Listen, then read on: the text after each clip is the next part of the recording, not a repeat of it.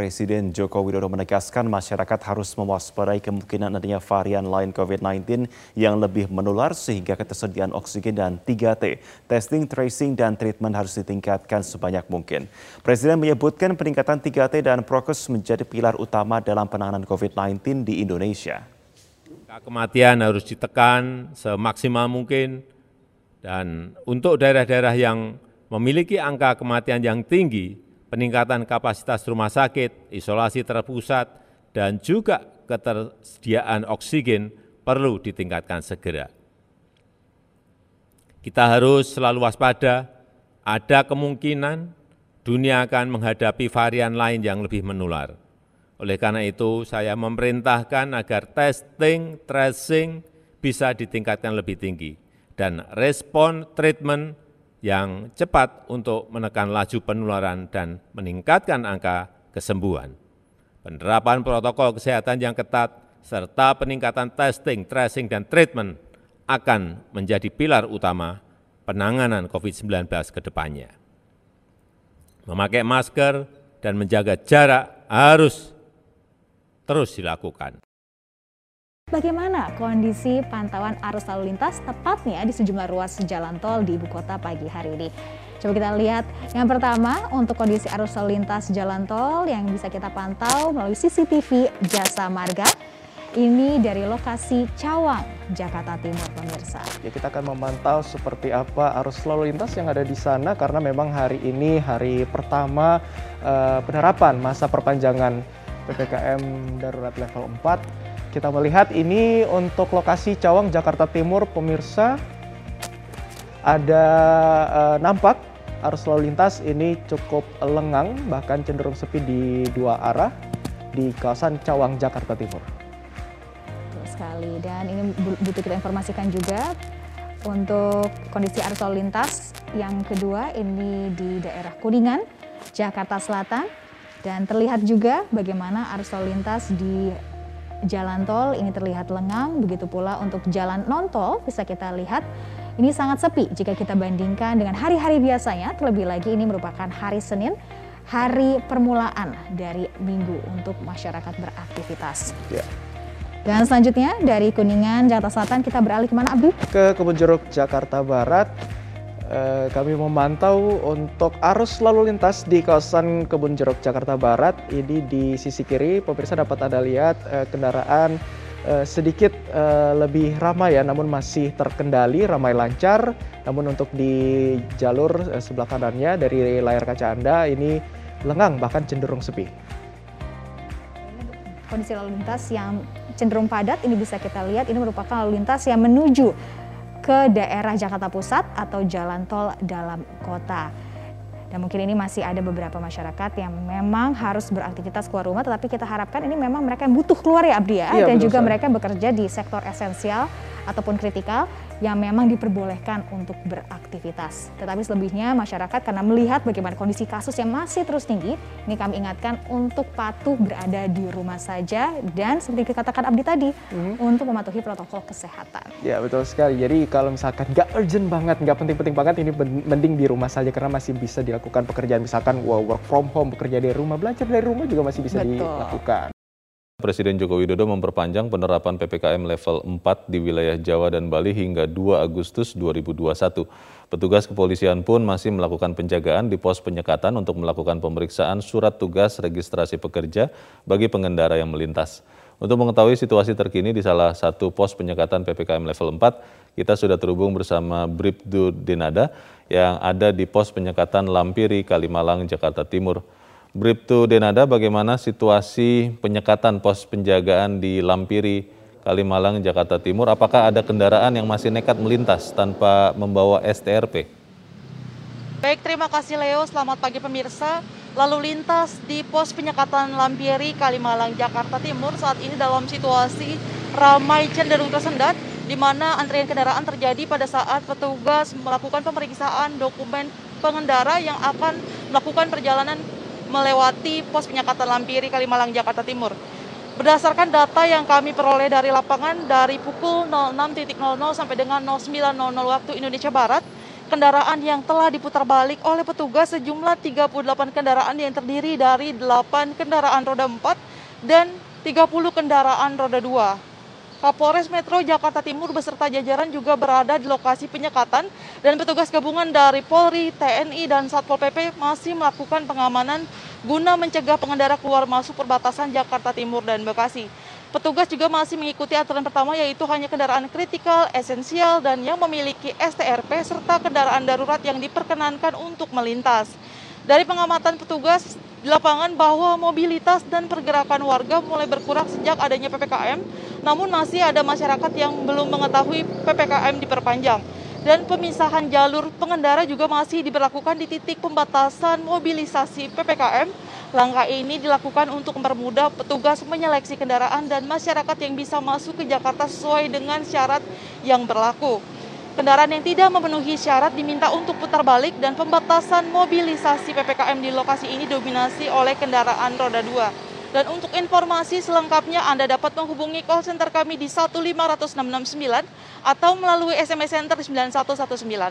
Stop pelanggaran, stop kecelakaan, keselamatan untuk kemanusiaan, Indonesia tertib, salam presisi. Pemirsa masih tingginya pasien COVID-19 dan banyaknya warga yang kesulitan mendapatkan tabung oksigen padahal sangat dibutuhkan. Nah, melihat hal tersebut di kota Bandung, Jawa Barat pemirsa, berdirilah komunitas Sodako Oksigen. Oksigen tersebut hasil patungan warga yang diberikan secara gratis untuk pasien COVID-19 yang sedang isolasi mandiri. Rama bersama teman relawan lainnya sejak pagi sudah bersiap-siap untuk menghantarkan tabung oksigen gratis di Kampung Pamoyanan, Kecamatan Cibiru, Kota Bandung, Jawa Barat. Tabung oksigen tersebut akan diberikan secara gratis kepada pasien COVID-19 yang kini sedang dirawat di rumah atau isolasi mandiri. Inisiatif dibentuknya komunitas ini dilatar belakangi keluarga pasien COVID-19 yang tak jarang sangat kewalahan untuk mendapatkan oksigen dan kalaupun ada harganya bisa dua kali lipat. Untuk meringankan beban pasien COVID-19 beserta keluarganya yang harus menjalani isolasi mandiri di kediamannya, warga Kecamatan Cibiru, Kota Bandung yang tergabung dalam komunitas relawan Sodako COVID bahu-membahu mengumpulkan sejumlah donasi untuk keperluan pasien COVID-19 yang memerlukan bantuan oksigen. Setiap warga yang membutuhkan bantuan oksigen nantinya akan dihubungi lewat telepon. Tak berselang lama, tim relawan Sodako Oksigen bersiap-siap menyediakan tabung oksigen lengkap dengan peralatan lainnya. Untuk bisa sampai ke lokasi, relawan Sodako Oksigen memang harus ekstra hati-hati dengan memakai baju APD lengkap sesuai protokol kesehatan. Meski risiko menjadi relawan COVID cukup tinggi, menurut salah satu anggota relawan Sodako Oksigen, Rama, mengaku ikhlas melakukannya karena mereka khawatir kepada sejumlah warga yang terjangkit COVID-19 serta jumlah kasusnya yang terus meningkat, bahkan tak sedikit pasien yang meninggal dunia pada dasarnya sih sebetulnya kenapa saya gabung di tim relawan ini karena dulu e, ketika saya isoman saya juga merasakan begitu susahnya mendapatkan tabung serta susah mendapatkan oksigen gitu. Nah ketika e, alhamdulillah sembuh mungkin saya tergerak untuk saling membantu. Awalnya saya e, direkrut oleh Ibu Neni dari Kelurahan Palasari dan Ibu Wirin serta Pak Haji Undang. Kebetulan saya yang tugas di lapangan gitu. E, tugas saya untuk menyuplai oksigen mencari menyediakan tabung oksigen, memasang regulator dan lain sebagainya uh, agar pasokan oksigen ke warga yang sedang isoman itu terpenuhi. Sementara itu, Ketua RW 11 Undang Syarif mengatakan, sejak dua bulan terakhir, jumlah warga yang terkena COVID-19 terus meningkat. Mereka umumnya isolasi mandiri di rumahnya masing-masing karena sejumlah rumah sakit di kota Bandung telah penuh. Undang menyambut baik inisiatif anak muda di wilayahnya yang terus melakukan gerakan sosial lewat gerakan Sodako Oksigen. Berdasarkan informasi dari PT Puskesmas dari Pak Mira ya bahwa cukup tinggi itu sampai di atas 200 kan. Tapi alhamdulillah terakhir ini mungkin sudah ada penurunan dan ada upaya-upaya dari masyarakat eh, apa namanya untuk saling bantu-membantu. Berdasarkan data Satgas COVID-19 Kota Bandung, Jawa Barat, kawasan Kecamatan Cibiru, Kota Bandung termasuk zona merah COVID-19. Pasien positif sejak dua bulan terakhir jumlahnya meningkat drastis. Tercatat untuk satu RW saja sudah hampir 250 pasien COVID yang melakukan isolasi mandiri pemerintah resmi memperpanjang penerapan PPKM level 4 selama satu pekan, mulai hari ini hingga Senin 2 Agustus mendatang. Sejumlah pelonggaran kegiatan perekonomian diterapkan selama perpanjangan PPKM level 4.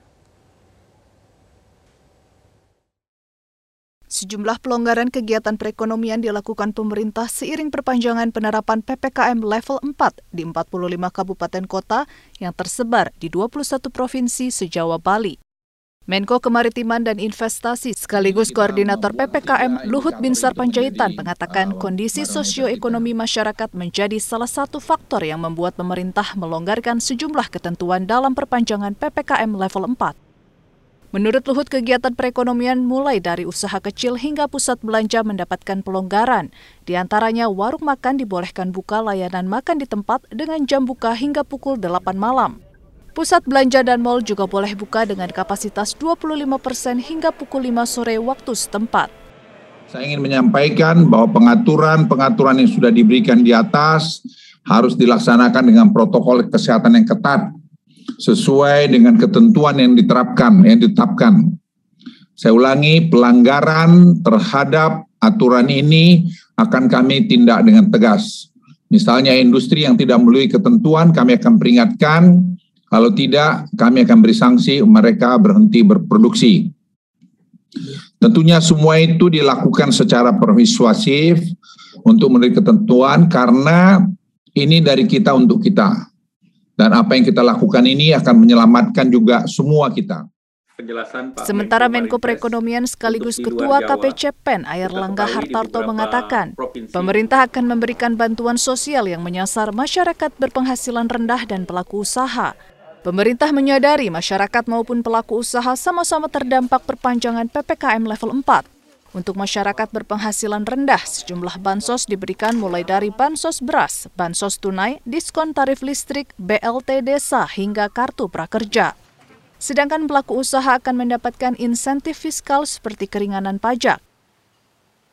Kemudian akan diberikan bantuan juga kepada dunia usaha, yaitu untuk uh, sewa toko, di pusat perbelanjaan atau mall itu akan diberikan insentif fiskal berupa pajak pertambahan nilai yang ditanggung oleh pemerintah ataupun DTP untuk masa pajak bulan Juni sampai dengan Agustus 2021.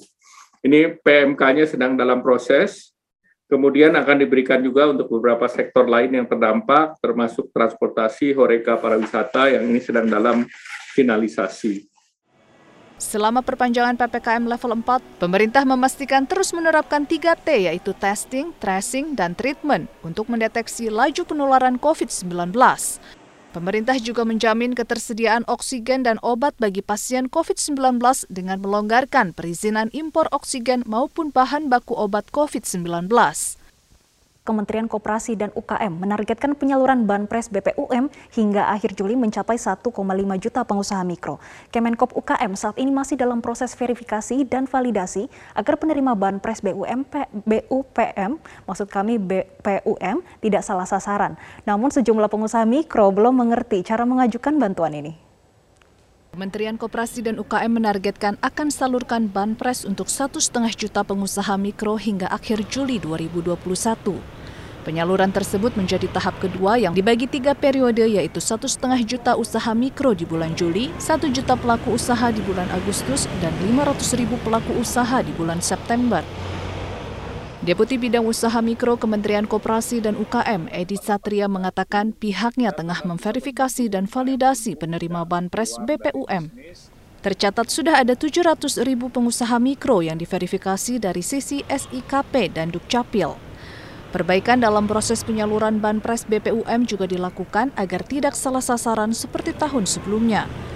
Saat ini Kemenkop UKM menyalurkan banpres hanya satu pintu melalui kepala dinas yang membidangi UMKM di tingkat kabupaten kota. Kemenkop UKM juga merevisi kriteria penerima Banpres di mana penerima Banpres BPUM tidak boleh terdaftar sebagai penerima KUR. Sosialisasi Banpres BPUM pada masyarakat juga digencarkan melalui pemerintah daerah dan iklan di media agar semakin banyak pelaku usaha mikro yang mengajukan diri untuk Banpres BPUM. Ya, 3 juta lagi rencananya sampai September. Nah, namun pertanyaan tadi kalau sampai Juli kita sedang menyiapkan mentargetkan satu setengah juta, insya Allah bisa tersalurkan. Sekarang sudah dapat sekitar 700 ribu yang diverifikasi, divalidasi baik SIKP di keuangan dan divalidasi Dukcapil. Ini minggu ini, minggu sekarang minggu depan berarti insya Allah tersalurkan 700 ribu dan kita harapkan sampai akhir Juli bisa satu setengah juta. Sementara itu, sejumlah pengusaha mikro di Jakarta Pusat mengaku belum mengerti cara mengajukan Banpres BPUM, padahal mereka tidak mendapatkan program bantuan lainnya dari pemerintah. Selama pandemi COVID-19, sejumlah pengusaha mikro mengeluh penjualannya turun dan berdampak pada permodalan selama beroperasi.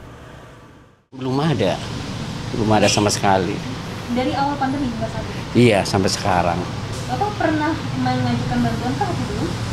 Oh, belum sih, belum mengajukan gitu loh. Ini Bapak uh, belum tahu juga ya caranya? Iya, belum belum tahu juga caranya gimana gitu. Majunya gimana gitu belum tahu. Dari RT sudah pernah ada sosialisasi? Belum tak, belum ada. Belum sama sekali dan saya juga nggak tahu alurnya seperti apa. Uh, jadi uh, benar-benar pure bukan dari pemerintah gitu. Sementara itu pemilik usaha mie ayam Rizka mengaku sudah pernah mengajukan dua kali namun permintaannya ditolak. Nah, yang kemarin juga udah pernah coba katanya nggak terdaftar. Nah lalu kita daftar lagi tetap nggak ini atau gimana caranya kita juga nggak tahu. Iya. Berarti perlu disosialisasikan lagi ya Mbak ya? Iya. Mm -mm. Perlu disosias, uh, disosias, uh, disosialisasikan lagi biar masyarakat itu merasakan bantuan yang dari pemerintah kayak kita pedagang kecil kalau kita nggak jualan juga kita nggak bisa buat makan cari makan gitu. Pemerintah memutuskan melanjutkan program Banpres BPUM tahun 2021 dengan total anggaran sebesar 15,36 triliun rupiah untuk 12,8 juta pelaku usaha mikro dari Badan Intelijen Negara Riau yang kembali menggelar vaksinasi massal bagi 500 orang siswa di Pondok Pesantren Al-Kautsar di Kecamatan Tenayan Raya Kota Pekanbaru. Tidak hanya siswa, BIN juga menggelar vaksinasi bagi masyarakat umum di 12 kabupaten kota di Riau secara serentak. Di mana langkah ini pemerintah dilakukan untuk mempercepat kekebalan komunal dan pencapaian target pemerintah 5 juta vaksinasi per hari. Bekerja sama dengan Dinas Kesehatan, Badan Intelijen Negara Daerah Riau menggelar vaksinasi massal di 12 kabupaten kota di Provinsi Riau. Sebanyak 500 dosis vaksin disuntikan kepada siswa di Pondok Pesantren Al-Kausar di Kecamatan Tenayan Raya di Kota Pekanbaru, sedangkan sisanya sebanyak 1.500 dosis juga diadakan di kota dan kabupaten lainnya di Riau. Langkah ini digelar untuk mempercepat kekebalan komunal dan pencapaian pemerintah sesuai dengan target yang diberikan Presiden, yaitu sebanyak 5 juta vaksin setiap harinya. Dan vaksinasi ini pemirsa ditujukan bagi siswa yang berusia 12 tahun hingga 18 tahun dan telah mendapatkan izin dari orang tua atau wali murid. Sebelum disuntikan vaksin, para siswa di pondok pesantren ini menjalani pemeriksaan kesehatan terlebih dahulu setelah lulus dan juga dinyatakan layak, barulah tenaga medis menyuntikan satu persatu vaksin kepada para siswa. Dengan adanya vaksinasi COVID-19 ini, siswa berharap pandemi COVID-19 segera berakhir dan siswa bisa belajar tatap muka seperti biasa. 34 provinsi, seluruh Binda di Nusantara, khususnya kami yang ada di Binda Riau melaksanakan vaksinasi massal di mana vaksin massal ini kita laksanakan hari ini. Kami melaksanakan 2000 vaksinasi, 500 di setingkat siswa, kita fokuskan di pondok pesantren, dan yang 1.500 door to door tersebar di 12 kota kabupaten seluruh Provinsi Riau.